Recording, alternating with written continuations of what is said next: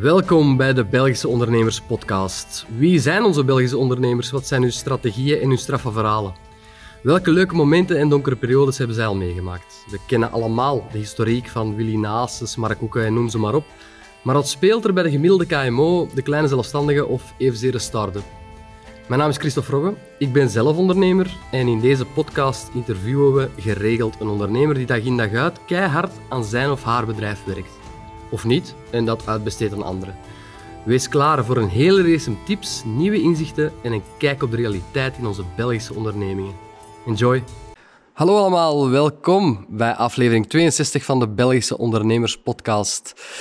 Sta mij toe opnieuw even af te lezen, want ik heb iemand aan onze digitale tafel zitten die uh, best indruk, een indrukwekkend parcours heeft afgelegd tot op vandaag. Uh, het begon al op, op zijn 15 jaar, was hij de gast in het Witte Huis als Belgische jeugdambassadeur.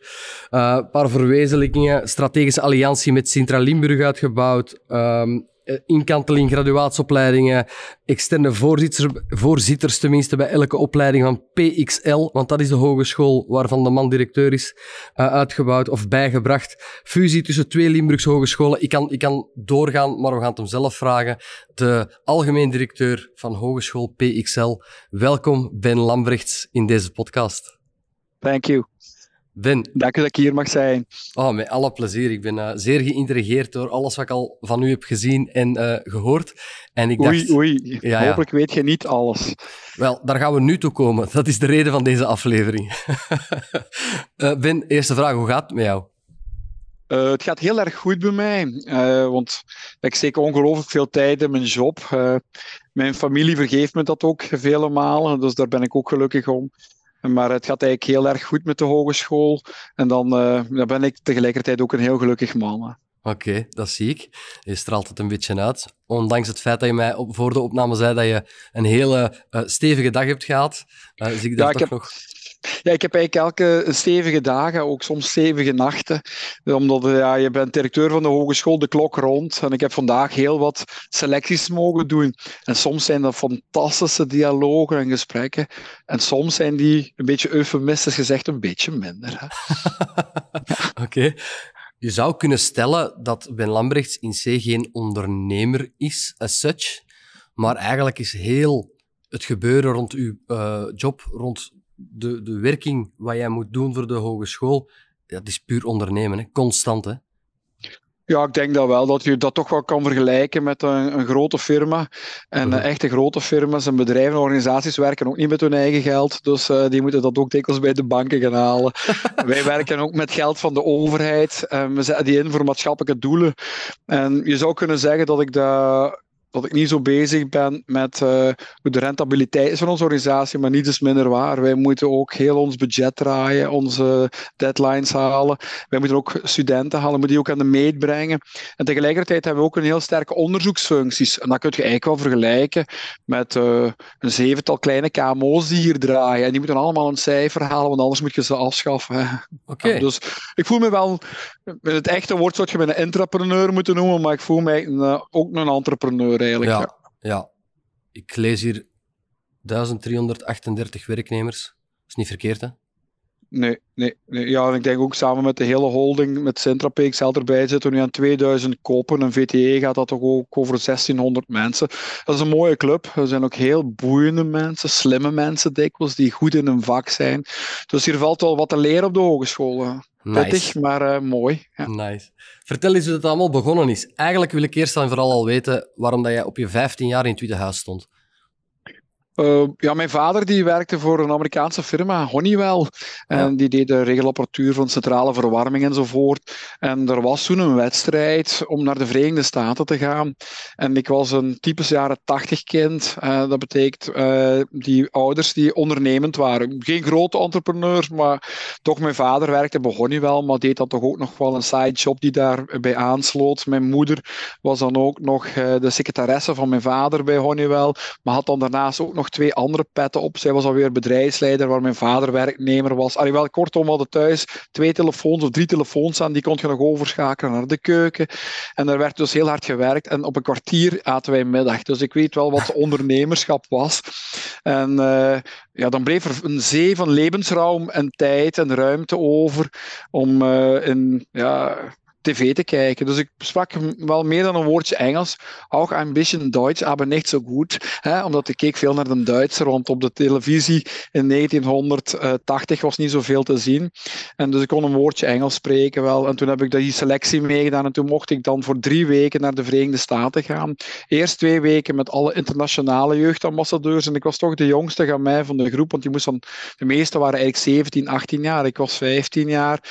En dan mocht je dan op de laatste week samen komen ook nog met vertegenwoordigers van elke staat van de Verenigde Staten. En we waren dan ook op het Witte Huis geweest en we gingen rechtstreeks naar George Bush toe. Ik mocht hij daar ook ontmoeten.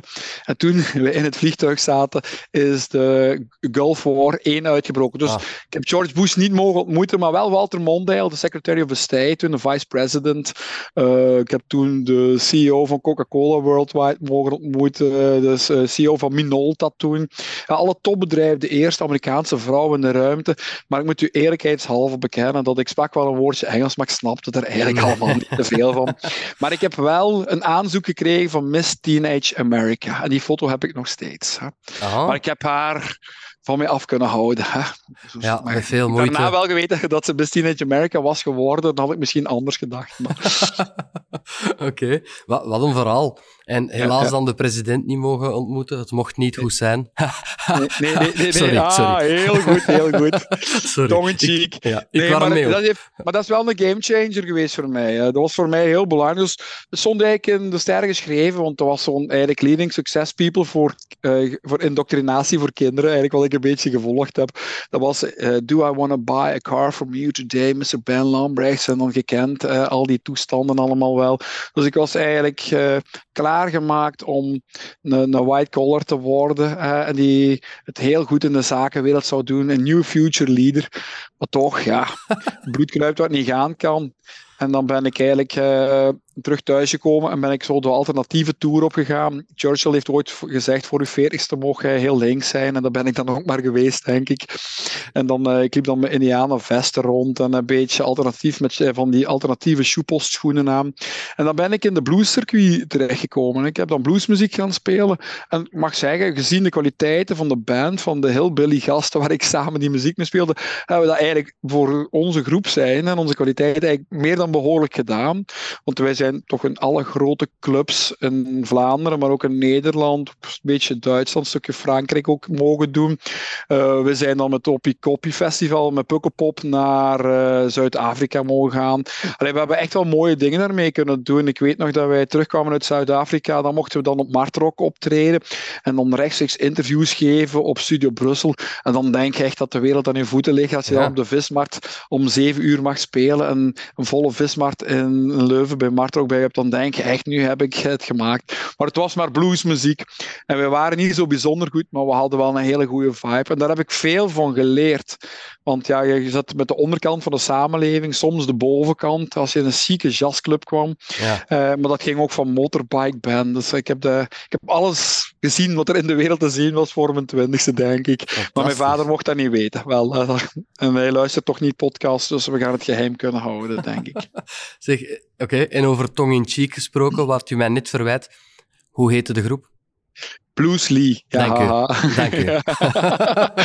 ik denk dat het 1-1 eh, is. ja, maar, maar het was, dat was bluesmuziek, maar je weet, iedereen denkt aan... Ja, het was wel wat meer dan dat. We deden echt wel storytellings. Uh, er was wel wat te zien op het podium, denk ik. Met heel veel verhalen vertellen. Uh, met de gitarist, uh, die, die zette ik op mijn schouders. Hij speel, zo leerde ik met mijn mondharmonica en duel op togen lopen. We hebben eigenlijk wel gekke toeren uitgehaald. Maar daar heb ik toch veel van kunnen leren. Want ja, daar leert je wat groepsdynamica is. Dat leert je, en dat, dat dateert nog uit de gouden jaren negentig. Je mocht toen met een auto rijden. En ik ga daar niet te veel over vertellen, maar uh, we werden ook betaald aan bier en zo. Ik moet u daar niet te veel uitleg bij geven. Dus ik heb wel wat van de wereld gezien. En wij wisten nooit waar we gingen aankomen. Want uh, in de jaren negentig had je zo wel wat traag internet al beginnend. Maar je wist niet wat een café dat, dat was. Je moest je weg zoeken. Routeplanners met kaarten de weg Maar dat was toch elke keer een avontuur. En soms kwamen wij aan in Nederland. We hadden echt niet zo voorspeld. Dat had geen één keer duizend man voor u. Dat was wel uitzonderlijk, moet ik zeggen. Maar we hebben even goed uh, een café De Zwarte Ruiter in uh, Turnhout gespeeld op een zondagmiddag, waar alleen de kastelein en zijn vrouw was.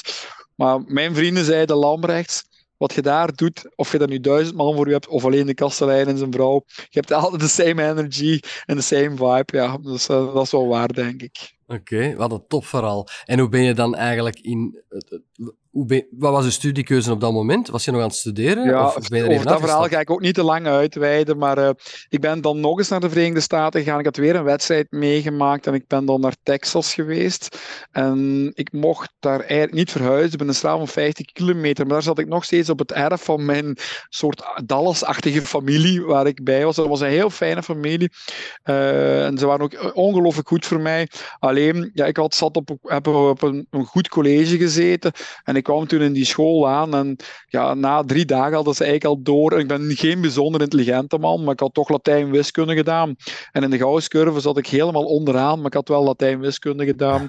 En uh, ja, ik moest dan met jongens en meisjes terug in de klas zitten van het eerste middelbaar. En ik moest dan, ja, dat was een heel groot niveauverschil. Ja. En toen hebben ze mij gevraagd, wilt jij dan geen les geven enzovoort. Maar toen dacht ik, tju, nu ben ik eigenlijk uh, samenwerkingsontwikkeling bezig. En al mijn vrienden, die, ik miste ze ook heel erg. Ik had ongelooflijk veel nostalgie op korte tijd ontwikkeld. Ik was toen ook in mijn periode ik heel veel naar Tom Waits luisterde. En dan weet je dat ik versterken, dat gevoel alleen maar. En ik had ook lief toen, die ik uh, doodgraag, uh, een lange tijd doodgraag heb gezien. En ik was mij van alles aan het inbeelden wat er in Leuven met haar zou gebeuren als ik er niet was.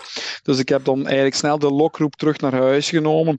En ik ben dan wat later aan de studiekeuze pedagogische wetenschappen begonnen. En ik geef toe dat die heel extrinsiek gemotiveerd was, want dat hadden ze niet aan de VUB of niet aan de KUB.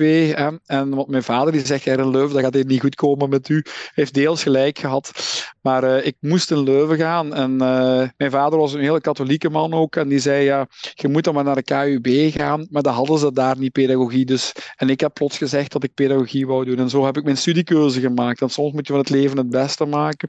En ik heb daar veel op ge gevloekt. Ik heb ook veel gezweet met die opleiding. Ik heb niet altijd het gevoel gehad dat dat de opleiding voor mij was. Maar als ik nu terugblik achteruit kijk, ben ik enorm dankbaar dat ik toch die studiekeuze heb gedaan. Ik ben een hele atypische pedagoog, denk ik, want ik werk heel veel met pedagogen die dat metier ook echt beheersen. Maar ik ben dankbaar voor het jargon dat ik daar geleerd heb, voor de filosofie die ik geleerd heb, voor de rijkdom van de mensen die ik heb kunnen ontmoeten. En voor mijn periode die ik aan de universiteit heb kunnen beleven. Dus ik heb dat toch wel meegenomen in combi met de totale andere wereld, uh, die van de blueswereld. En die combi maakte ik toch een heel rijk palet in mijn leven op korte tijd heb mogen zien. Ik dacht dat ik toen ik 25 jaar was, had ik al heel veel gezien en beleefd van de wereld uh, met mijn bluesmuziek. En toch had ik al van de intelligentie kunnen snoepen. Ik was dan toch al in de Verenigde Staten geweest. Maar ik had tegelijkertijd klassieke scholing van onkel Paters gekregen. Want ik ging, ik ging als kleine gaan mij ook altijd graag met oude, wijze mannen om. En vandaar ook die keuze wellicht voor bluesmuziek. Ik heb altijd met mensen omgegaan die vele jaren ouder zijn dan mezelf. En ik heb ongemeen veel respect voor mensen met grijze haren. Uh, ja, kijk zo naar u hier maar uh, ik bedoel echt veel grijzer en veel ouder, door de wol geverfd dan nu. Ja. Um, ja, ik heb, daarom heb ik ook al veel vrienden verloren die eigenlijk al overleden zijn. Of uh, ook veel vrienden die niet meer professioneel actief zijn. Um, maar van vele heren. En ik was toen veel seksistischer, want ik keek naar echt naar mannen op. Maar ondertussen heb ik ook al ongelooflijk veel van vrouwen mogen leren. En dat is voor mij een goede leerschool geweest, want het verleden, het heden rijmt heel fel op het verleden. En wij denken dat we grote paradigmatische shifts meemaken, maar het is toch dikwijls maar een revolutie zonder R. En grote wijsheden van die grote heren die ik altijd heb mogen leren kennen, die draag ik toch nog elke dag met mij mee. Ik mag een oude ziel noemen, toch? Hè? Ja, ik denk dat ik een hele oude ziel heb. Omdat ik jong directeur was, zei iedereen, is een hele progressieve man. Maar ik denk dat ik op jonge leeftijd ook directeur ben kunnen worden. Ik, ik heb, zal wel ergens ADHD hebben dat niet gediagnosticeerd is. Maar, uh, en waardoor iedereen denkt dat heel progressief en vernieuwend bent. En ik deed, denk ik, wel vernieuwende dingen met de hogeschool. Ik ben ook niet bang van veranderingen. Maar tegelijkertijd zijn die dikwijls ook geïnspireerd op heel oude formules. Dus ik denk dat ik die beide werelden wel goed kan verzoenen. En ik ga vandaag ook ongelooflijk en ongemeen graag naar onze gepensioneerde club die we hier in de hogeschool hebben. Daar ga ik met heel veel plezier ook naar, naartoe, want ik zie die mensen doodgraag. Ah, dat is gewoon. Dat is gewoon. Ja, ja, ja, je zegt jong directeur. Hoe oud was je? Ik was uh, directeur-elect op mijn 29ste. 30 jaar ben ik het effectief geworden, maar ik was ook adjunct algemeen directeur. En ik denk, als ik nu kijk, ben ik op twee directeurs na nog steeds de jongste. En ik, we, zijn 19, we schrijven 19 jaar verder. En de langste. Dus ja, ja, dat is niet zo'n mooie titel eigenlijk om je uit te pakken. Maar ik, ik ben het langzittende instellingshoofd van een hoger onderwijsinstelling in Vlaanderen. Maar dat is niet zoiets wat, echt, wat ik het echt ver mee schopt. Anderzijds als ik toch iets moet zeggen, iedereen praat over bedrijfscontinuïteit hè, en iedereen heeft daar heel negatieve gevoelens over. Zeker als iedereen, als je van die managementboeken leest, dat je zoveel van jobs moet veranderen en vernieuwen. Ik denk ook dat we een, goede hogeschool zijn. Ik mag dat ook stellen, want we hebben een van de beste, zo niet de beste instance review van alle hoger onderwijsinstellingen in Vlaanderen gekregen in zaken de kwaliteitszorg. Dat is een Nederlands-Vlaamse accreditatieorganisatie die de kwaliteit en de kwaliteitszorg beoordeelt en die ook ervoor zorgt dat die diploma's internationaal geldig zijn. Ja, we waren daar eigenlijk nummer uno, maar dat komt niet omdat ik over bijzondere talenten beschik, maar dat ik uh, de kans heb gekregen van de samenleving om 19 jaar diezelfde job te doen. En dan weet je wel hoe de hazen lopen, weet welke formules werken, welke niet werken. En combineer dat met het feit dat de wereld een constante revolutie is, maar zoals een Pantarij, de rivier, daar stroomt heel wat water door, maar die rivierbedding die is nog niet zo heel erg hard veranderd. En in de onderwijs gebeurt er ongemeen veel. We, we zijn over de digitalisering bezig, maar je moet ook goede didactiek hebben, ook online. Ja, ik geniet van jouw zeer beperkte woordenschat. nee, nee. Je can paint a picture with words. Dat is heel prachtig hoe je het vertaalt. Um, laten we even teruggaan. Van voor, net voor directeur worden was je coördinator uh, levenslang leren, ICT en PR. Levenslang leren. Dat klinkt ambitieus. Lang. Dat klinkt ook tergend lang. Hè? Ja. Nee, ik zal misschien nog één stapje terugnemen, want ik neem dat wel graag mee in mijn carrière. Uw eerste jobervaring, dat is een hele belangrijke. En ik moet eerlijk zeggen, ik heb u ook dat verteld, ik was geen echte studax. En uh, ik moet eerlijk zeggen, ik kon ook moeilijk stilzitten. dat is nu eenmaal zo. Vandaag krijg je daar allemaal medicatie voor. Of uh, krijg je daar uitzonderlijke maatregelen voor. Maar in mijn tijd uh, golden die nog niet. En ik ging dan op het Ladeuzeplein studeren. En dan kwam, kwam ik weer iemand tegen die zei: Kom mee met een auto. Ook al kende ik die niet. En ik was weer vertrokken. En zo kwam ik maar nooit tot studeren. En ik had het moeilijk om me te concentreren. Tegelijkertijd, als mij echt iets boeide, was ik wel vertrokken. Ik denk dat ik heel wat professoren op emeritaat kende. Uh, maar ik heb toch niet zoveel zelfvertrouwen gehad in mijn eigen kunnen, ondanks dat ik vroeg naar de Verenigde Staten mocht. Maar heel mijn secundair onderwijs was ik altijd, ik mikte hoog, maar ik was altijd de laatste van de klas. En uh, ook aan de universiteit is dat een hobbelig parcours geweest. Hè. Ik denk dat iedereen mij daar kent. Theo Franke zegt ook nog regelmatig, Ben Lammers heeft ook eens ergens bij mij op het jaar gezeten, maar ik heb hem niet veel gezien. dus dat is een heel hobbelig parcours geweest. Maar... Uh, dus dat is niet zo goed voor je zelfvertrouwen. Maar laten we man en paard noemen. Als je altijd onderaan bengelt, eh, dan twijfelt je aan jezelf. Hè. Je doet donc je suis. Ik kan hier misschien heel pocherig overkomen of zelfs zeker. Maar uh, toen heb ik mijn eerste jobervaring gekregen, ondanks dat wij vrij succesvol waren als band in onze niche, voor de duidelijkheid. Hè, want dat is niet dat iedereen die nu luistert veel van Bruce Lee heeft gehoord. Maar in onze scene waren we meer dan behoorlijk goed. Daar had ik wel wat zelfvertrouwen uit gekregen. En ik kon een show opvoeren op het podium, ondanks het feit dat ik geen begenadigde zanger ben en geen fantastische muzikant ben. Maar we konden een verhaal brengen, daar had ik wat zelfvertrouwen uit. Maar voor de rest, school, had ik toch niet zoveel vertrouwen dat het echt goed met mij ging komen in de wereld. Maar na veel vijven en zes heb ik dat diploma behaald. En toen ben ik aan die job begonnen en heb ik onmiddellijk die kans gekregen bij uitgeverij Averbode en Belgacom. En dat was zo'n mooie periode. Daar heb ik bijvoorbeeld ook Bart Becks leren kennen, toen uh, de CEO van Skynet. Um, um, we zaten in zo'n vernieuwend verhaal te schrijven met uitgeverij Averbode, met Belgacom Skynet, de hele digitalisering aan te pakken, leerplatformen uit te bouwen, knappe mensen. Ik ging plots naar Gent, Eskimo Ik zat echt wel ja, in het brandpunt van onze samenleving. En, daar heb ik, en toen zeiden ze tegen mij, zeg Lam, ik hoe goed zit jij? En ik overdrijf misschien wel, maar wat een netwerker zijt. Je kunt je mensen in verbinding brengen. En toen heb ik zo echt wel goede ervaring gekregen. Was ik echt trots op mij. En ik denk nog altijd soms dat ik een phony ben. En dat ik denk, ja, wat doe ik eigenlijk? Hè? En toch bekruipt me dat gevoel dikwijls van wat doet je nu eigenlijk? Hè? Maar blijkbaar werkt dat wel altijd. En toen heb ik zo'n mooie springplank gekregen van mijn eerste werkgever, uitgeverij Averbode, was ik zo blij. Nu, die, is die bel wel ontploft. En toen zei mijn moeder, mijn moeder die zorgt nog altijd goed voor mij, en, uh, die had dan zo uitgeknipt in Hasselt. Um, dat ik uh, hier een mooie job vrij kwam. Mijn mama wou toch graag dat ik terug naar Limburg kwam. En ze zegt, ik heb er een mooie job voor. Ze zoeken daar een pedagoog, maar die ook ICT-vaardig is. En ze zoeken daar iets voor. Ze gaan er iets opstarten, de hogeschool met een laptop. Iets wat daarna toch wel een betekenis heeft gekregen in het Vlaamse onderwijslandschap. Daar mocht ik mee aan de wieg staan om de mensen mee op te leiden. En daardoor leerde ik de mensen ja, die hogeschool plots naar dwarsdoorsnede kennen. Want ik wist, iedereen uh, die moest die opleiding bij ons komen volgen over elke discipline heen. Ik wist waar die school naartoe gaat, want als je iemand moet opleiden van het personeel, dan weet je ook welke koers je moet varen.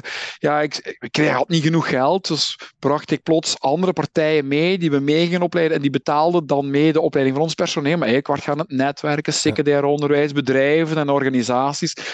Ja, plots had ik al heel wat troeven om directeur te worden. En mijn voorganger, die zei, uh, die uh, had zijn pensioen aangekondigd en ik dacht, ja, ik ga meedoen dat is eigenlijk een gratis assessment.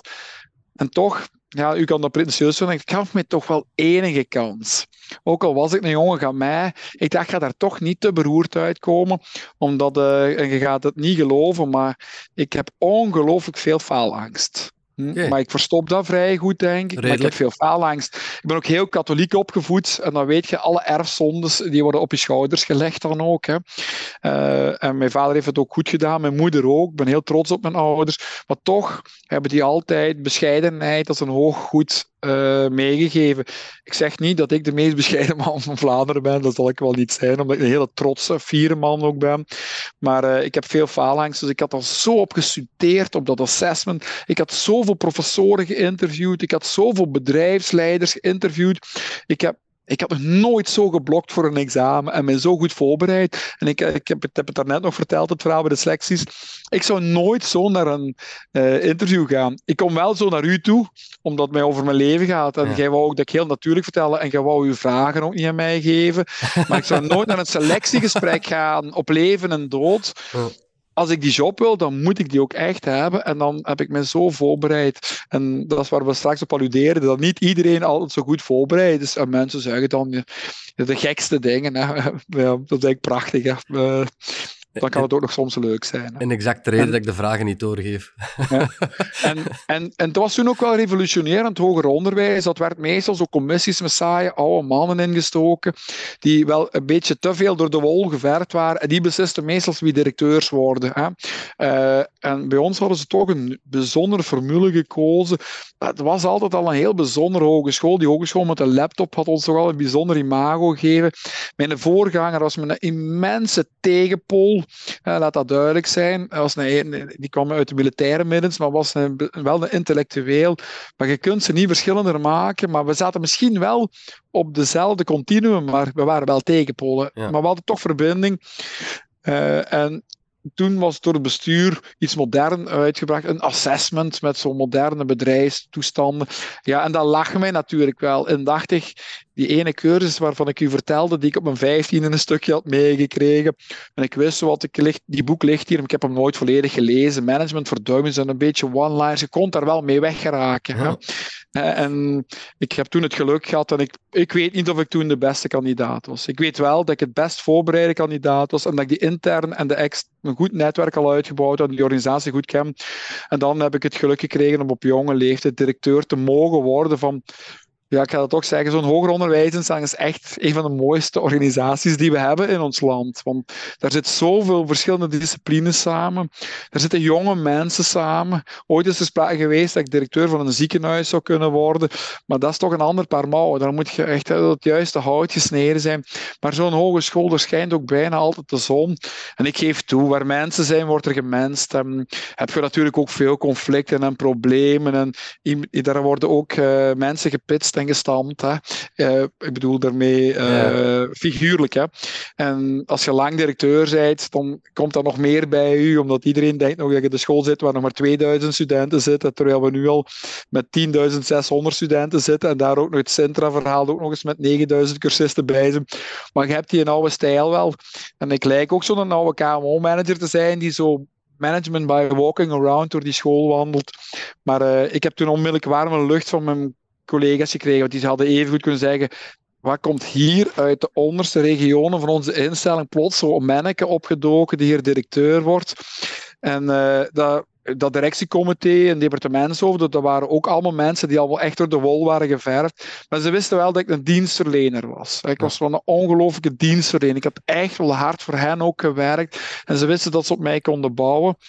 En ik heb ook heel sterk voor de marketing van de hogeschool gezorgd. Ik denk dat dat belangrijk is. Nu vindt iedereen het normaal, maar toen een hogeschool die echt een vette marketing deed, was niet vanzelfsprekend. En dat, dat is niet om een gladde tegel te zijn of om, waar, om onwaarheden te verkondigen, maar als je marketing goed zit, dan werkt de self-fulfilling prophecy sterk. Of de zone van de naaste ontwikkeling. Je mag niet liegen, maar je mag een beetje de werkelijkheid helpen, maar dat wordt dan ook snel waar. Als iedereen gelooft en ook iedereen weet waar je maatschappelijk mee bezig bent, dan komen de bedrijven en de organisaties om met u samen te werken. En dan groeit en bloeit je school bijna automatisch als school. Wat zijn zo een aantal van de taken die je hebt opgenomen om die marketing? Wat zijn een paar van die marketingplannen dat je hebt uitgewerkt, een paar zaken die je structureel veranderd hebt in bepaalde samenwerkingen die je hebt opgezet, uh, om die school meer en meer te laten bloeien, meer en meer te laten bekend worden in de regio en ruim daarbuiten? Ja, ja, ja natuurlijk was het eerst uh, een, een, van mijn belangrijkste dossiers waar ik al direct aan begon te werken, is een nieuwe opleiding. En dat was een periode dat niet gemakkelijk nieuwe bacheloropleidingen aan hogescholen ontstonden. En dat was de bachelor in de pop- en rockmuziek, PXL Music, eh, waar ik vandaag bijzonder trots op ben. En toen zei iedereen, ja, daar heb je dat jong gerut hier. Je gaat dat manneke nu nog eens beginnen met een opleiding in de pop- en rock-industrie. Ja, dat is toch eigenlijk een beetje ridicuul, een beetje flauw of niet kwaliteitsvol. ik denk dat we nu kunnen terugbuigen achteraf dat PXL Music als je Charlotte Jagiri ziet op de Mias, je ziet de vrienden van Bazaar, Portland. Uh, uh, als je ook nog naar de techniek kijkt van elk festival, en grote studios in het land en ook ver daarbuiten, dat we weten dat we eigenlijk goed gedaan hebben. Dat komt allemaal dus, via jullie? Ja, dat zijn, ja, Natuurlijk zijn er ook kwaliteitsvolle mensen die wil starten aan de opleiding. Dat moet ik u natuurlijk ook vertellen. En wie weet wel, ze hadden misschien het ook wel gehaald zonder via de PXL te passeren. Maar ze hebben daar absoluut een versneller en een katalysator gekregen. Er zijn ook heel wat bands ontstaan op onze hogeschool uh, die, die het eigenlijk allemaal goed doen. Allee, maar ik ga daar niet te lang over uitweiden. Uh, maar allee, dat zijn mooie verhalen. En dan heb je onmiddellijk al een vuurtoren ontwikkeld rond die hogeschool. En ja, goed communiceren. Uh, ik weet, ja, maar ik moet ook toegeven, je kunt het allemaal strategie noemen, maar eigenlijk heb ik ook heel veel dingen per ongeluk gedaan. maar ik heb wel veel dingen gedaan. Ja. Uh, ja en ik heb, ja, ik moet dat toegeven, hoe ouder ik word, hoe meer ik de remmende voorsprong heb. En dan probeer ik dat, uh, die ontwapendheid, die verlies je door je ervaring. Maar ik was, ik denk, ik durf mezelf wel echt ontwapenend noemen vroeger. Dus ik had plots beslist, ja, ik zeg, we hebben zo'n mooi gebouw. Het oude moederhuis hier bijvoorbeeld, waarin ik geboren ben. Daar is ons departement gezondheidszorg, healthcare zit daar. Uh, en we hebben allemaal gebouwen, maar niemand wist dat die gebouwen van een hogeschool waren. Dat, dat zag je daar niet aan. Dus ik, ja, ik ga daar een groter lichtreclame lichtreclame ophangen. Hè? En ik zeg, ja, en dan met mensen moet je vergunningen aanvragen. Zeg, dat gaan we niet doen. dat ze er daarna maar aftrekken. Hè? zeg, een grote lichtreclame. En als je dan s'avonds door Hasselt en Diepenbeek rijdt, dan zie je al die gebouwen, staat een plots. Uh, toen was het de Hogeschool PHL nog, hè, opstaan. En uh, ik vroeg, vroeg, wat kost dat? En dat kostte toen 75.000 euro in het jaar 2006, denk ik. 2005, 2006. Ik zeg, godvertekke, dat is toch veel geld. Ik zeg, als we daar nu eens uh, in het Engels doen, ga ik dat opnieuw laten berekenen. En dan was dat maar 45.000 euro. Ja, want ik maakte van de opleiding biotechniek, biotechnologie, maakte ik dan bio. Uh, ik maakte van handelswetenschappen en bedrijfskunde, maakte ik dan business. En van gezondheidswetenschappen maakte ik healthcare. Ik zeg, ah, voilà. En dan gaan de mensen het ook snel zien. Ik zeg, hang het maar op. Maar uh, plotselijk kijk niet te goed door dat je eigenlijk Engelstalige benamingen, hoger onderwijs, ja, dat er taalwetgevingen waren enzovoort. Hè. En niemand had mij daar ook voor gewaarschuwd. Hè. En uh, ik heb plotseling uh, heel Hasselt vol Engelstalige benaming. Een week lang heb ik de nationale media over ons gekregen. Hè. Dus ik heb ik, brieven liggen hier nog, handgeschreven brieven. dus waren meer, meer mensen die al ook door de wol geverfd waren, die die brieven naar mij schreven dat het een schande was voor de verengelsing van het hoger onderwijs. Maar we hadden wel een imago gezet dat progressief was, dat vernieuwend was. Uh, en ze hangen er nog steeds op. Hè? Want anders moest je de Financial Tower ook afbreken. En ik heb dan ook uitgelegd, de regeringscommissarissen waren toen ook heel kwaad op mij. En die zeiden, dat mocht je niet doen, je moet dat veranderen. En toen heb ik een ingeving gekregen, zeg ja, maar dat is geen Engels, dat is een acroniem. Dus uh, bio staat voor bedrijfskunde, innovatief en ondernemend of zoiets. En ik verzon, ik had al zo'n hele lijst gemaakt. Dus ik heb ook veel geluk gehad en ik heb ook veel vertrouwen gekregen van de huidige voorzitter van onze hogeschool, die er toen ook al was. Eigenlijk is hij de langst, de man die het langste eigenlijk voorzitter is van een hogeschool. Uh, en die, dat is eigenlijk uh, iemand waar ik ongelooflijk veel van leer, maar die wat meer stiller in de achtergrond is. Maar dat is iemand die me ongelooflijk veel coacht. Die zit ook elke week in het directiecomité. Ik denk dat weinig CEO's een voorzitter in een directiecomité meenemen. Ik doe dat wel. Dat spaart ook ons allebei veel tijd uit, maar hij kent die hogeschool door en door. En het is niet dat je met twee hanen op de mest op zit. De ene is executive en de andere is non-executive. Maar wij, we, vertrouwen elkaar heel erg. Maar uh, hij is toch heel kritisch, ook voor mij ook. Hè. Laat dat duidelijk wezen. Maar hij heeft me ook altijd warme lucht onder de vleugels gegeven voor de gekste dingen. Hij heeft mij toen ook beschermd, want ja, ik was pas directeur. Ik denk dat ik nog maar een half jaar... Mijn eerste uitspraak was ook in de belang van Limburg dat ik uh, Frank van den Broeke voor het gerecht ging trekken. Maar ja, ik was ook nog heel naïef. En men zei toen, de journalist tegen mij, het ging over de contingentering van de opleiding kinesiotherapie. En je kreeg dan een proef over sociale wetgeving of je als zelfstandige mocht uh, vestigen.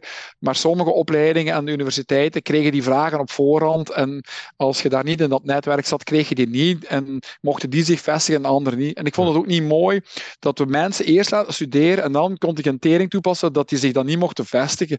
Ja, dat ik doe dat dan aan het begin. En zo'n wijze journalist, die had mij daar in de val gelokt en die zei, zou je dan de minister niet voor het gerecht trekken? Ik zeg, ja, eigenlijk is dat misschien wel een idee. En dat was een van mijn eerste persartikels als algemeen directeur. Dus ik had mezelf al wat sterk geprofileerd. En ik had ook, ik kom onmiddellijk terug bij u, ik, ja, ik ga het u laten zien. voor de luisteraars, we zijn meneer Lambrechts kwijt. Ah, hij is terug.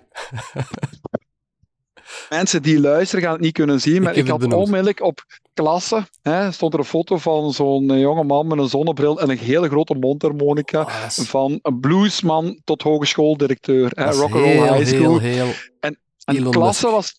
Ja, en het klasse ja, dat zat toen in elke brievenbus van elke leraar, elke directeur van een secundaire school. Dus ja, wat heb je aan de marketing gedaan? Ik was mezelf en ik kende de, hoofd, ik kende de van klassen ook heel erg goed, want die had bij mij bij Averboden gewerkt. Ja, je moet mensen kennen ook. En zo hadden we al snel een imago gegeven aan de hogeschool, die toch wat bijzonderder was dan alle andere hogescholen.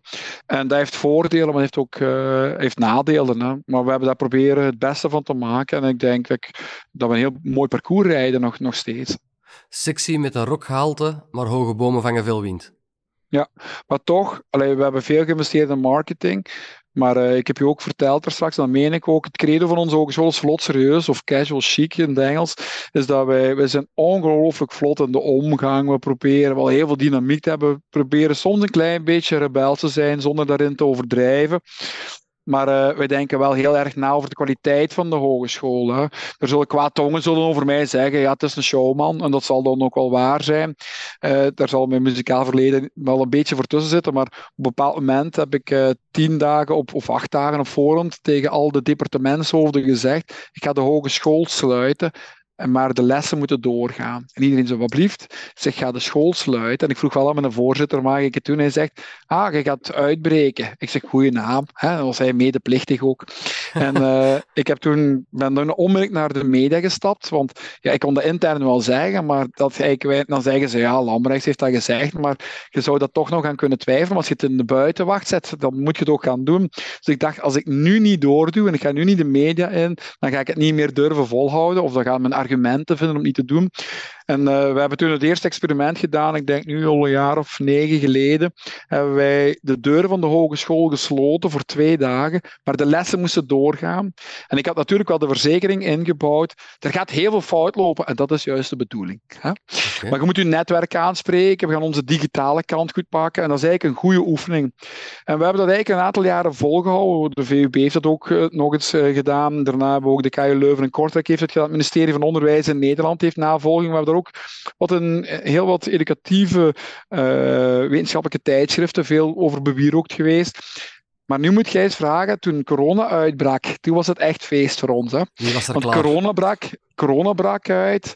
En uh, wat hadden we toen gedaan? Toen zei ik, nu is mijn moment gekomen. Hè? Maar wij wisten niks. Wij, wij wisten, dat was, was, ik denk, drie weken voor de paasvakantie. Dus ik zeg, als we nu drie weken sluiten, als eerste hoger onderwijsinstelling het nieuws de wereld in. Wij sluiten de hogeschool. Dus eigenlijk zijn we vijf weken verder. Dan is dat spelletje hier opgelost. En is corona ook opgelost. En dan hebben we iets anders gedaan. Als één of twee dagen die school sluiten. Dan hebben we echt...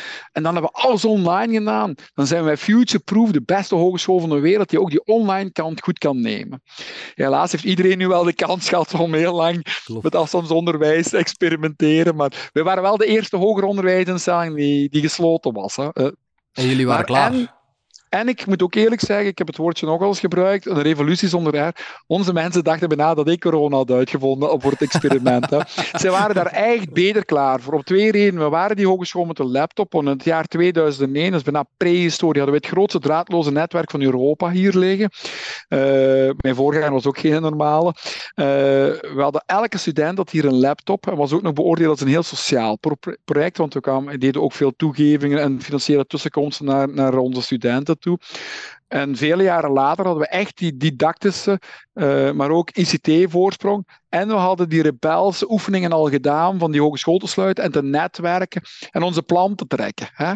En ik, voor ons was dat eigenlijk ja, echt een makkie ga ik niet zeggen. Het was voor, voor ons allemaal emotioneel moeilijk. Maar ik denk dat we dat beter dan wie dan ook hebben kunnen aanpakken. Ik denk dat je moet dat maar aan mijn collega's vragen of onze studenten. Je zult natuurlijk daar de goudcurve ook wel vinden. Maar vrienden en vijand moet bekennen dat we dat goed hebben kunnen aangekund hebben. Ja. Visionair? Ja, gewoon ook. Je moet durven dingen doen. Dat is niet zo visionair. En je moet ook eerlijk toegeven dat niet de grootste kwalitatieve designs achter zaten.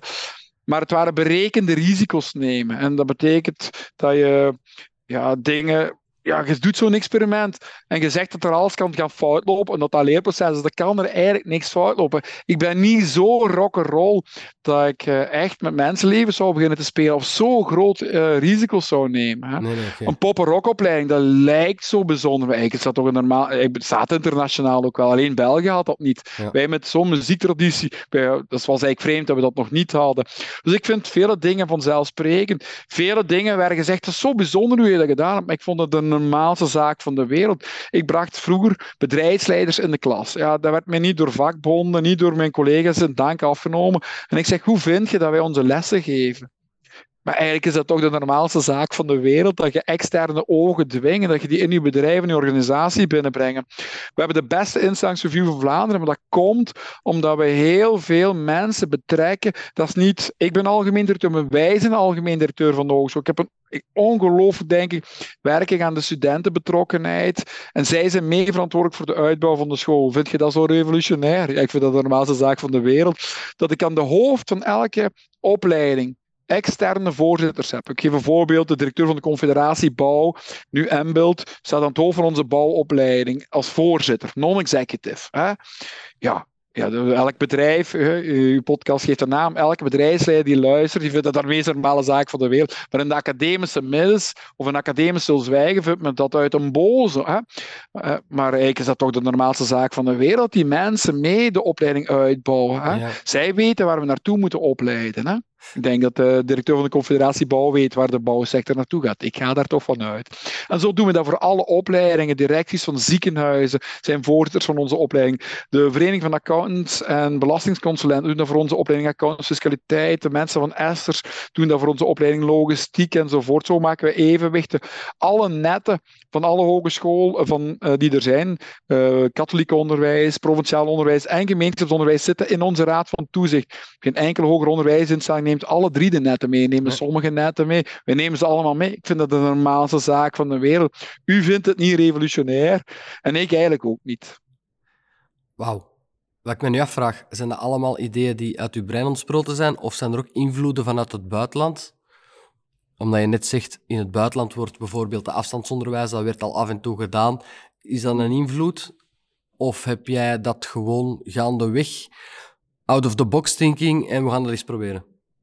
Ik moet heel eerlijk zeggen dat uh, ik ben, als je mij met een zwakke flank neemt, ik ben, ga regelmatig wel eens mee met uh, prinselijke of met koninklijke missies enzovoort. Maar dat is niet mijn sterkste kant. Hè. Dat zult je mijn heel Billy accent wel horen. We hebben de roots in de regen, we hebben een blik op de wereld en wij komen van ver. Uh, laten we maar eerlijk zeggen, Limburg zaten vroeger meer onder de kerkentoren. Vandaag fietsen wij in het midden van het peloton wat betreft internationalisering betreft. En wij noemen ons daar ook Brussels East. Dat werkt ook beter. Uh, dat is heel optimistisch. ja, ja uh, ook daar is marketing heel relevant. Tuurlijk. Als wij zeggen, je moet hier naar Hasselt komen, dat is niet zo heel eenvoudig. Maar wij hebben nu op dit eigenste moment 20 uh, topjuweelontwerpers hier zitten in onze opleiding Beeldende Kunsten. Maar als ik dat als een mier profileren in de wereld, dan ga ik er niet geraken. Dus uh, daar werken we wel aan. Dus we hebben daar een groot inhaalmanoeuvre gedaan. Uh, maar er zijn meer andere collega's zijn die daar een krachten hebben dan ik zelf. Maar ik, ja, ik laat die mensen graag hun werk doen. Ik weet ook heel goed waar ik zelf goed in ben, minder goed in ben. Maar ik vind dat ik mijn boerenverstand zelf heel veel heb gebruikt. En ik zit natuurlijk in een hele inspirerende context ik heb bijvoorbeeld die breekt-uit-formule. Uh, ik heb toen een aantal mensen rond de tafel gezet en die zeiden: Ik zeg, we gaan, ik wil eens iets doen dat absoluut interessant is. Hè? We gaan eens iets spectaculairs doen. En we hebben een half uur geven we ons. En zo is dat echt begonnen. Ik moet me niet geloven. Ik had zo'n aantal interessante tippen, een man of vijf, zes, uit onze eigen instelling, zelfs geen externe. En toen zei iedereen, we gaan het internet uittrekken. Hè? Uh, internet afzetten. Ik zeg, ja, dat is ook maar saai. Hè? Wij zijn ook eens de laptop. En dan is dat, dat is zo terug naar het verleden. Uh, je weet, ik hou er heel erg van. Uh, maar uh, oké, okay, ik vind het toch. Ja, toen zei hij, of, wat moeten we dan de deuren allemaal toe doen? Maar ja, dat gaat eigenlijk niet. Ik zeg, wel jawel, dat gaat wel. dat gaan we doen. de deur doen. Ik zeg, deur toe, het is beslist en ik loop buiten. Dus je moet wel impulsief zijn. Ja. Een impulsieve directeur hebben. Want als je daarover begint na te denken, u weet beter dan ik dat het voorzienigheidsprincipe ons in Europa echt op parten speelt. Hè? Ja. Als, ik mijn, als ik vele van mijn collega's uh, ook, ook, ook, mijn eigen collega's, ook in onze eigen hogeschool. We zitten soms in dat bedje ook ziek. En wij analyseren alles heel goed. We maken een businessplan en zo. Je jumpt nooit meer. Hè? Je jumpt nee, nee, gewoon nee, niet. Dat wordt te veel afgewogen. En je, maakt je SWOT-analyses en ja. je bedreigingen. Je jumpt niet. Je jumpt gewoon niet. Uh, en zeg ik daarom dat je nooit je op data moet baseren? Nou, natuurlijk niet. Maar ik moet toch zeggen dat ik de laatste jaren veel meer beslissingen op basis van data en zoals het in de managementboeken uh, staat, heb genomen en dat ik me daar heel slecht bij gevoeld heb. Want dat ik de laatste maand, dus maar al een maand, heb ik terug gezegd, ik laat mijn kriebel terug toe. Want ik heb met stelke maal heb ik het mij berouwd dat ik mijn goesting niet gedaan heb. Nu, je weet niet of ik gelijk zou gehad hebben, want je hebt die andere weg nooit gekozen. dat is altijd het voordeel en je hebt altijd een beetje gelijk. Hè. Maar ik laat toch terug, ik heb selecties gehad en ik kan dan echt heel objectief selecties doen is eigenlijk ook onmogelijk. Want je moet kijken welk potje past op dekkeltje, wat is energie. Je kunt er wel externe bij halen, maar jij zit de enige die weet, past die man in onze cultuur, in ons huis, of past die vrouw daarin, gaat dat marcheren. En dat is even belangrijk dan de talenten die een persoon heeft. Hè. Ik denk dat dat uit heel wat studies komen ook naar boven. Ik heb ze zelf niet gelezen, maar ik heb ook heel veel slimme vrienden die zeggen mij dat de klik met uw leidinggevende zo belangrijk is om, om uw te geven in je job.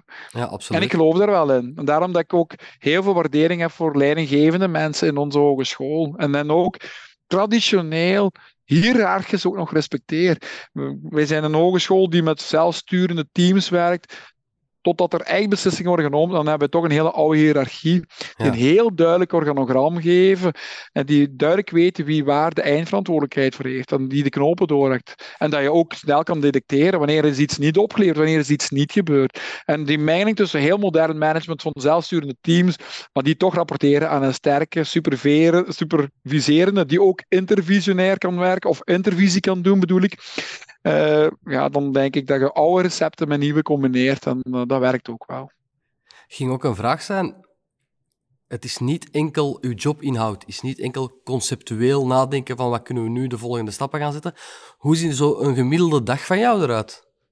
Ja, Goh, cliché antwoord is geen enkele dag is dezelfde. en ze is altijd voor, uh, voor, uh, onvoorspelbaar. Dat valt al enigszins mee, want ja, ik kan ook heel goed delegeren, denk ik. Uh, tegelijkertijd wil dat niet zeggen, en blijf ik toch nog wat micromanager op veel terreinen. En blijkbaar mogen dat niet zijn, maar ik vind dat toch belangrijk om dat te blijven. Ik kan ook niet anders. Ik, ben, ik mag zelf nog elke dag bij een Lamb Morning News, waarin dat ik belangrijke uh, berichten doorstuur naar mijn collega's, een kleine interne nieuwsbrief. Dus ik maak die elke morgen eigenhandig op de meest archaïsche, achterlijke manier waarschijnlijk. waarschijnlijk zou ik dat op een veel betere manier kunnen doen, maar ik doe het. En uh, mensen weten ook dat ik erachter zit en ze antwoorden daar dan nog ook op enzovoort. Dus daar begint mijn dag mee. Dus dat is uh, zeker nieuws elke morgen. Ook al heb ik een zware nacht gehad. Ik uh, ben Lamp Morning News is there. En dan uh, heb ik meestal ook heel wat statutaire vergaderingen, want ik zit in veel raden van bestuur, en veel statutaire vergaderingen, ja, veel, veel beslissingsorganen. Dus heel veel van de dingen zijn wel geregeld, maar ik slalom daar wel tussendoor. Ja. En dat maakt het mij ook boeiend. En het, het onvoorziene gebeurt daar ook. En ik laat dat toeval ook wel voldoende spelen. Uh, maar er komen alleen maar meer vergaderingen bij. Ja, ja, ja. dat is nu eenmaal zo waar je eigenlijk meer aan het luisteren bent dan dat, en aan het afdwalen misschien soms in je gedachten, ja. dan, uh, dan effectief je creativiteit kunnen doordrukken op dat moment. Ja, ik heb uh, echt niet de pretentie dat ik denk dat ik twee dingen tegelijkertijd kan doen. Maar soms is dat niet erg als ik even afdwaal en mijn andere dingen in mijn hoofd bezig ben die ik tegelijkertijd aan het oplossen ben. Omdat er, ja. ik ben omringd door ongelooflijk competente mensen. En ik heb, uh, daar heb ik ook altijd heel erg hard aan gewerkt om slimme mensen rond mij te... En je weet, uh, ook dat cliché is geldig. Je moet altijd mensen zoeken die slimmer zijn dan u. je moet ook dikwijls mensen zoeken die heel complementair zijn met u. Maar ik heb wel geleerd dat die, die ook niet te complementair moeten zijn met u. Want dan krijg je daar ook wel vroeg of laat toch ruzie mee, want die hebben totaal andere wereldbeelden ja, dan u. Ja. Dan loopt het ook niet goed. Ondanks het feit dat we wel veel levensruim hebben hier en een grote organisatie zijn, een herberg met vele kamers, waar veel plaats is voor vele mensen en gedachten die elkaar kunnen ontmoeten. Maar als het over strategie en visie uitgaat, moet je ook niet te ver van elkaar afleggen, denk nee. ik. Hè. Dan is een heldere, sterke lijn belangrijk, want mensen hebben al genoeg onzekerheden. En uh, ik ben al een wijfelende van natuur, dat zou je misschien niet zeggen, want je doet je is maar middel nemen. En de mensen die dicht bij me zijn, weten dat. Maar ik dwing mezelf wel, als het te erg wordt, om toch heel snel dan weer die beslissingen te nemen, vooruit te gaan, de volgende stap. Of als mijn geduld op is, dat kan ook nog af en toe eens gebeuren, dan die beslissingen wel te nemen. En als ze moet je maar bijsturen. Hè. Uh, we nemen toch zo, we denken dat we heel belangrijk zijn in de wereld, maar dat valt nog wel wat reuze mee. En, maar er is zoveel onzekerheid in de wereld. Mensen hebben dat niet nodig. Mensen die de hele dag zitten te twijfelen, ook nog eens in beleid, en dat het daar niet vooruit gaat, daar zit niemand op te wachten. Zelfs intelligentia, waarin die toch heel veel in de hogescholen zitten, zitten daar ook niet op te wachten. Die zeggen, zeg het maar Lambrechts, maar vooruit. Hè. Ja, oké. Je bent heel energiek. Je sprak daar straks al van, soms is het dag en nacht dat je uh, ermee bezig bent. Vind je nog de tijd om te ontspannen of te sporten, muziek te spelen? Hoe vind jij je rust? Ja, ik moet uh, eerlijk zeggen, zoals echt fulltime in een band muziek meegemaakt, dat lukt me eigenlijk niet meer. Maar ik ga wel af en toe nog eens wel wat gekke dingen doen. Ik heb nog eens op Pukkelpop meegespeeld. Oh, ik, uh, ja, met, met, zo, met, met DJ's meegedaan en zo. Uh, Joyhouser, misschien kent je die. dat zijn echt de top internationale DJ's. Dat zijn wel Limburgers. Hè. Of Goldfox. waarin dat we die maar, maar, ik speel even goed met Willy Klaas Quartet mee. Of met Marijn de Valk. Hè. Uh, Balzar Boma, daar kan ik ook mee meespelen. Of uh, wat crooners muziek maken. Uh, ja, zo heb ik elke dag wel wat dingen of, die ik meemaak. Of ik presenteer het Volkfestival. van, dat hier in Bokrijk wordt georganiseerd. Een mooi nieuw volkfestival dat het levenslicht ziet. Of Blue Spear heb ik, on, heb ik nog niet zo lang geleden gepresenteerd. Samen met Rick de Leeuw. twee keer, maar doe ik wel nooit meer. was langs die man staat verdwijnt in het niets. Dat is een goede vriend van mij, Rick de Leeuw. Maar die moet gewoon zeggen: Ik zeg, dames en heren, welkom hier op Blue Speren met veel enthousiasme. En dan zegt hij: Hallo, en ja. dood je. Lambrechts vernietigd. Dus uh, dan voelt je je heel klein. En dat is ook af en toe goed. Als je ah. denkt dat je grote algemeen directeur zit, dat je dus vermorzeld wordt in charisma. Uh, dat is eigenlijk fantastisch. En Rick de Leeuw is eigenlijk een goede vriend van mij, denk ik, dat mag zeggen. Dus goede vrienden mogen dat. Ik ben precies met vijf mensen tegelijk aan het praten. Wat een leven. Ja, ja. Ik, doe wel, ik ben ook voorzitter bijvoorbeeld van uh, Levensloop. Ik moet wel eerlijk zeggen, uh, u vroeg me of ik veel sport. Ik sport dus niks, 0, bollen. Af en toe probeer ik nog eens wat push-ups te doen, hier en daar. Af en toe s'morgens is zo 50 keren, zoals vier, drie keer per week. Daar slaag ik nog eens wel in, maar voor de rest ook niet sport. Ik doe ook maar gemiddeld 4.000, 5.000 stappen per dag. Dus dat management bij walking around valt nog wel wat reuze mee. Uh, maar uh, ja, af en toe die muzikale prikkels wat doen. Ik ben ook in corona een beetje gitaar beginnen te spelen. Ik kan er wel een beetje mee wegraken, maar echt goed is het niet. Hè. Maar een mondharmonica, dat speel ik ook nog eens af en toe. Daar heb ik plezier in om daar mee te mogen spelen. Maar ik ben eigenlijk een hele, hele, hele gelukkige man dat ik zo in deze gemeenschap thuis mag zijn en dat ze mij nog verdragen. Ik zou wel onmiddellijk doorhebben, ook al spreek ik veel en lijk ik iemand te zijn die niet luistert. Ik zou het onmiddellijk in de mot hebben, mocht mijn draagvlak hier niet meer zijn wat het moest zijn. Want dan was ik riebe de denk ik. Want ik zou nooit kunnen werken want ik ben toch wel een beetje een golden retriever, moet ik toegeven. Ik wil wel graag gezien worden. En je moogt ook veel als, je, als, eh, als de mensen u enigszins dragen. Ik denk dat dat nog voorlopig aan de orde is.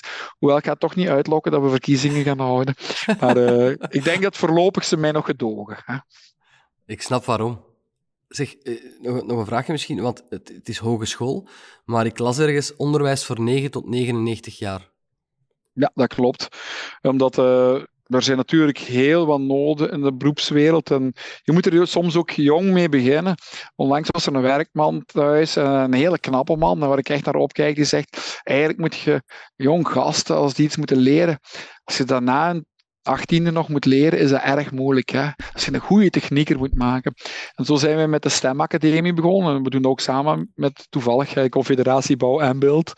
Uh, maar we doen dat ook met andere verschillende partijen, ook met FOCA, talentontwikkeling enzovoort, waarin dat we vakantiekampen, zoals je de muziekacademie hebt, heb je nu de STEM-academie, waarin we jonge kinderen met drones leren vliegen, met een muur leren metselen enzovoort. Dus van 9 tot 99 jaar, want we hebben ja, het lijkt allemaal toeval, maar waarschijnlijk is het niet. We hebben de jongste student ook van Vlaanderen in de hogeschool toegepaste informatica.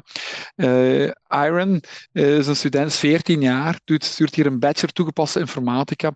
Maar tegelijkertijd hebben we ook de oudste student van het land, die uh, 4, uh, 485 is de man, uh, en die studeert ook aan onze hogeschool. Dus wel zowel de jongste als de oudste student van Vlaanderen. Wow. Uh, daar zijn we mee bezig. Maar ook met het verhaal, het ecosysteem. Ik denk dat dat ook een revolutie is in het Vlaamse hoger onderwijs.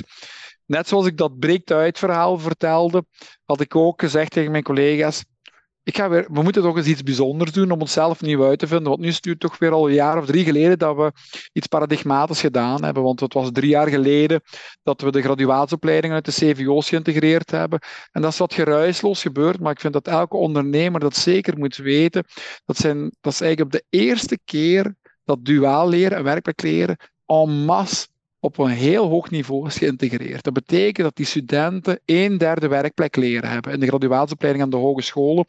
En wij zijn een hogeschool met een bijzonder hoog contingent van graduatieopleiding, omdat we daar heel sterk op geïnvesteerd hebben. Ook omdat we een andere onderbouw hebben dan de rest van Vlaanderen. We een andere onderbouw die waar we meer mensen ook een diversiteit hebben die daartoe geroepen zijn.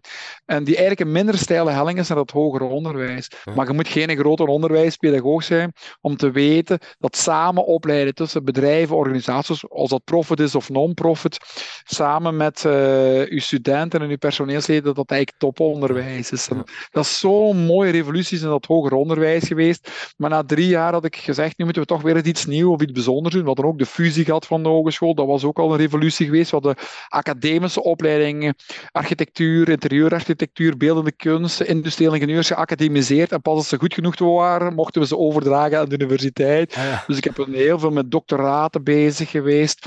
En uh, toen was het klaar voor iets nieuws. En toen zei ik, we moeten iets bijzonders doen. Ik ga de alle andere pistes niet zeggen die ik in gedachten had. Maar ik had gewoon aan de directeur van het centrum gezegd, zullen we trouwen? En hij zei onmiddellijk ja.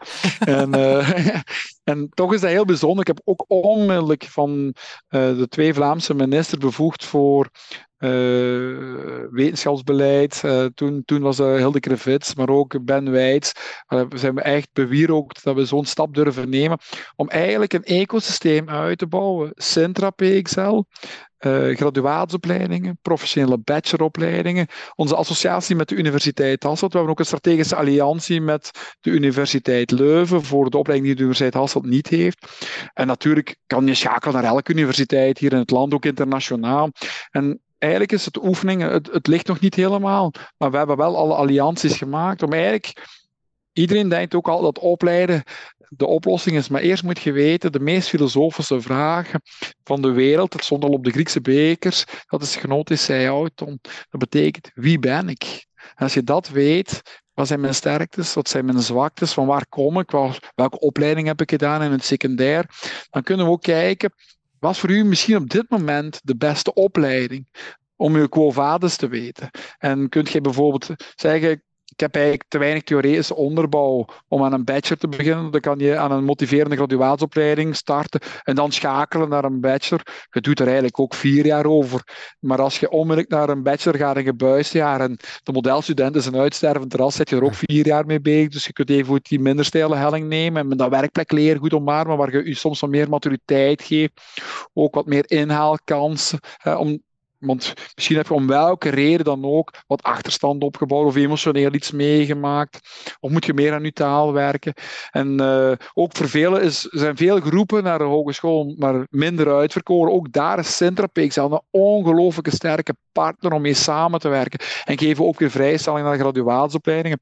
Maar we zien dat het ook een nieuwe normaal aan het worden is dat iemand een bacheloropleiding doet en schakelt naar een masterstudie. Ja. Uh, dus eigenlijk is dat fantastisch. En u sprak dan daar straks ook over die tergende naam levenslang leren. Met Centra PXL, zij hebben wel een goede machinerie. En wij hebben heel veel know-how en inhoud. We hebben nu ook PXL Next gemaakt, waarin ook weer dat levenslang leren. En vandaar van 9 een lange antwoorden, vriend. Maar van, goed, 9, van 9 tot 99 jaar. En u weet ben ik ook nog ouder. Hè, want uh, is onze lang leven beschoren. Dankzij de alsmaar verbeterende gezondheidszorg. Uh, kunnen we dat doen. En als je dan ook daar nog eens bijtelt dat we goed kunnen dat ecosysteem en een gids kunnen zijn in dat complexe bos naar de toekomst, dan, dan zijn we echt met een revolutie bezig. En als je dan ook nog praktijkgericht onderzoek erbij telt, dat dan de hogescholen bij tot producten, diensten en processen komen, en tegelijkertijd dat dan een goede onderbouw geeft voor onze opleidingen en we onze studenten ook beter kunnen opleiden. En dan kunnen we ook met die diversiteit omgaan. De diversiteit van dat iedereen wel verschillend is. Hè, waar we in het secundair onderwijs heel moeilijk hebben om, de, om daarmee om te gaan. En dat is voor ons ook nog pittig. Maar als je dat heel panoplie hebt, dat heel wapenarsenaal, dan kun je ook veel beter schakelen. Maar we moeten daar toch nog een paar jaar aan werken om dat wat beter te zetten. Ook die, die assessment, en wel heel duur is, hè. je moet je maar zelf maar eens laten assessen. Dan weet je hoe duur het is, maar als je dat goed kan doen, dan denk ik dat we echt mooi werk aan het leren zijn. En dan is dat misschien te zeggen wat mij ook triggert en dat mijn motief en mijn situatie is. Mijn situatie heb ik uitgelegd, is de mooiste omgeving waar je in kan werken. En mijn motief is dat ik uh, toch heel maatschappelijk mag en kan werken. En dat ik ja, heel, veel mensenlevens mee mag veranderen. Uh, en dat ik een, dat radar mag meedraaien. Ik zou zo graag hebben dat jij een biografie schrijft, maar dan in luisterboekvorm uitbrengt. Oh. Ik denk uren naar u kan luisteren. Ja, ik praat wel snel voor de Limburger, vind ik. Ja, dat is goed, ik kan er veel in, in de podcast. Dat is oké. Okay. Ja, ja. ja ik, zou niet, ik kan ongelooflijk slecht naar mezelf luisteren, want dat is niet aan te horen, maar goed. Wel, uh, ik, ik kan dat niet bevestigen. Het is, uh, het is heel aangenaam. En ik heb een vraag in, in navolging van wat je net aan het vertellen was. Uh, je zit daar op je plaats, je zit daar goed, je, je doet dat met heel veel plezier. Maar welke ambitie heb jij nu, laat ons zeggen, tussen dit en de komende vijf jaar? Zijn er projecten op til of in uw hoofd? Of zijn er zaken voor jezelf die je nog uit de hogeschool wilt halen of samen met de hogeschool behalen? Wat is uw visie daar? Ja, ik denk, uh, we zetten nu grote stappen in dat afstandsverleren. Maar u weet ook, de wereld verandert snel. Uh, binnen vier jaar zit je misschien hier samen met mij aan de tafel. En dan hebben we niet meer het gevoel dat wij samen op afstand een podcast aan het maken zijn. Maar dan, zit, kan ik u wellicht ruiken. We hebben hier topgeurkunstenaars. Ze hebben onlangs ook de vagina-geur ontwikkeld. Dus uh, alles is mogelijk in de wereld. Hè. Dus uh, ik ga u kunnen ruiken, ik ga u kunnen voelen. Hè. Toen ze mijn grootmoeder ooit zeiden, dat vuur is niet echt op de tv. Dat we ons soms niet kunnen voorstellen. Maar we gaan samen in de kamer zitten. Ik ga samen met u kunnen eten en dineren. En ik denk dat ik echt bij u ben. Dus we moeten die afstandskant nemen. En we weten ook dat afstandsonderwijs ook heel kwalitatief kan zijn. Want we hebben zo door de overkill die we in corona gehad hebben, misschien daar niet altijd de beste ervaringen nog mee en het misschien wat meer afgezworen. Maar wij weten dat dat ongelooflijk veel oplossingen kan bieden. Dus daar moeten we sterk op blijven investeren. Ja, ik geloof ook niet dat je nog heel veel, dat, dat er toch wat minder hoger onderwijsinstellingen kunnen zijn in Vlaanderen. Dus daar zullen nog wel evoluties gebeuren. Misschien komen er new universities, waar een hogescholen en universiteiten misschien wel uh, in elkaar opgaan. Want die grenzen worden alsmaar permeabeler. Uh, dus er zijn nog heel wat, wat opties te nemen in de wereld. En wie weet gaan er weer dingen op mijn pad komen waar ik nu nog niet eens aan denk. Maar ja, ik, eh, ik heb uitdagingen genoeg, want die gaan over die grote visies en strategie. Maar tegelijkertijd ben ik bezig of er genoeg parking is voor onze studenten. uh, en en breng me dat ook bij de mobiliteit. Denk ik mee over Spartacus, denk ik mee over onze regio. Hoe we die ook beter kunnen maken. Ben ik samen met, uh, met heel veel mensen hier in de regio kan denken hoe we het onderzoek hier verder kunnen uitbouwen zit ook in de raad van bestuur van de Universiteit Haalstad. Ik zit ook in een aantal bedrijven, uh, denk ik, mee hoe we, hoe we daar kunnen doen. En zo hoop ik ook die voering te ontwikkelen. Maar je weet, ja, de wereld zit vol verrassingen en dat is natuurlijk ook het fijne daarvan. Hè. Staat uw, uw hoofd ooit stil? Ja, ja, okay. want ik, ben, ik kan misschien wel een hele felle lijken, maar ik kan ook ongelooflijk lui zijn. Hè? Dat, dat, uh, dat gebeurt wel eens in het plezier. Ja, uh, ik kan ook wel rustig zijn. Uh, als, als je mij in de zetel neerzet, dan moet het al een heel uitdagend programma zijn om mij wakker te houden. okay. Ik heb nog een laatste vraagje aan u, Ben. Um, dus eigenlijk de standaard eindvraag van de podcast. En dat is, welke tip geef je aan jezelf als je vandaag terug zou starten? Nu, laat ons zeggen, terug als directeur dan zou starten ik weet dat het niet veel avans gaat hebben. Als ik mij veel advies geef, want ik maak dikwijls na elke vergadering die je hebt, dat is management tip, die mensen mij vertellen of die ik een podcast wel eens hoor, dat je soms na een vergadering een evaluatie van jezelf moet maken, wat je goed gedaan hebt en slecht gedaan hebt. Maar ik blijf dezelfde fouten maken, omdat het sterker is dan mezelf. Dan zeg ik, hoe kun je nu nog zo beginnersfouten maken? Dus ik vind het heel erg moeilijk om zo kleine tips te geven aan mezelf, die ik aan mezelf moet veranderen. Want ondanks dat ik directeur ben van een hogeschool en denk dat opleiden heel erg belangrijk is, jezelf veranderen is toch een pittige uitdaging. Ook al denk ik dat ik genoeg metacognitie ontwikkeld heb en zelfreflectievermogen, maar oh, het karakter is zo sterk hè, om, daaraan te, om daaraan te werken. Dus ik weet niet of ik naar mezelf zou luisteren met grote tips. Hm, ik weet, ik weet dat ik nog beter zou kunnen luisteren. Ik zou daar veel aan moeten werken, maar ik geef ook toe, ik ontmoet zoveel mensen op een dag. Het is ook soms uit defense dat ik soms wat te veel spreek, want dan krijg ik ietsje minder input. Want ja, je kan heel empathisch luisteren. Dat is ook heel belangrijk in de missie en visie van onze hogeschool. Ik denk dat ik ook een nieuw woord heb uitgevonden. Dus eh, vindingrijk. Het was niet creatief, maar dat heet empassie. En dat zat midden in onze visie geschreven dat je een moet mooi evenwicht moet hebben tussen heel veel empathie, luisteren in die dialoog, want in de dialoog leer je de ander kennen. Maar ik moest vandaag toch veel spreken. Hè. Ja, ja. Uh, maar tegelijkertijd ook die passie in je hart laten ombranden en dat evenwicht mooi maken. En vandaar het woord empassie. Ik wil het nog eens in de vandalen krijgen. Uh, maar ja, die, um, de luisterbereidheid zou wat beter kunnen. Dat weet ik wel. Maar het is een defense, anders word ik zot. Zoveel input krijg ik. Versta ik, ja. Ik kan het niet nalaten van te vragen en ik weet niet hoe het op de audio gaat klinken, maar ligt daar nu een, har een harmonica in de buurt, een mondharmonica? Je zit goed geïnformeerd. Ja, ik heb dat altijd bij me. Nee, ik heb dat altijd bij me, want dat is ook een beetje mijn talisman. Als ik hem niet bij me heb, ja, dan voel ik mij ook onzeker. Dus ik heb ah. die altijd wel bij me. Ja. Een klein stukje, Ben. Een klein stukje. En niet te luid, hè, want je bent op de micro natuurlijk. Wacht even, jij moet roepen of het te luid is. Ik, dus, uh, ik moet wel zeggen, ik heb toevallig een hele hoge toonaard bij. Ja, ja toevallig. uh, Belgian, Belgian Online Entrepreneurs. Ja, dat klinkt mooi, hè? Nee, zo? Podcast. Jij wilt altijd alles in het Engels, hè, maar je gaat klachten krijgen in de krant. Allee.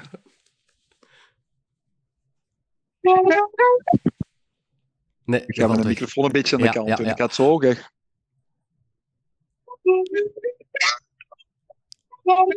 Het komt niet goed door. Het komt niet goed door. Ja, anders moet ik het even aan de kant. Dat is jammer.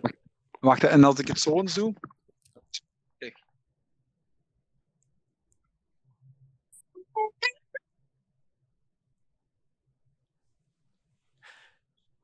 Anders moet je dat wakker dat is, uh, dat is heel, heel jammer.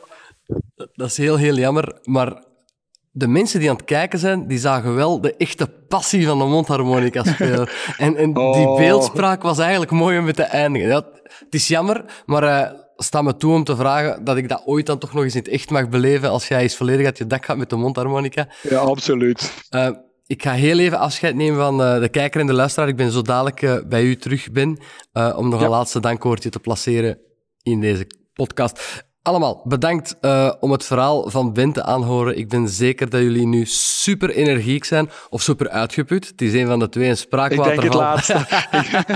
mijn excuses daarvoor. Vergeef het mij, alsjeblieft, vergeef het mij. Door mijn schuld, door mijn schuld, door mijn grote schuld. Oké, okay. het zou kunnen. Een spraakwaterval heeft dat effect. Eén van beide. Uh, de Belgische Ondernemerspodcast eh, die kan u terugvinden op www.belgischekoppeltekenondernemers.be. Daar vindt u alle afleveringen. Uh, daar vindt u de link naar Facebook, LinkedIn, Instagram. Uh, volg, vertel het verder. En als u vragen heeft of opbouwende kritiek, dan mag dat altijd via het contactformulier doorgestuurd worden. Dan komt het in mijn e-mailbox terecht. Ben, ik wil jou ontzettend en ongelooflijk bedanken voor jouw ja, energieke bijdrage. Ik kan niet anders zeggen dan dat is. Hè. Uw energieke... Ja, ja. En, en passioneel. Ik ben mezelf, maar ik weet dat dat niet, zal niet altijd de goede aarde vallen. Maar fantastisch. Het was fantastisch. Ik ben wie ik ben. En daar ben ik heel blij mee. Ik ben heel blij dat ik je heb mogen leren kennen en interviewen in de podcast. En aan iedereen tot een volgende keer.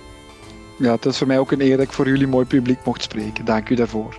Dank u wel. Dag allemaal.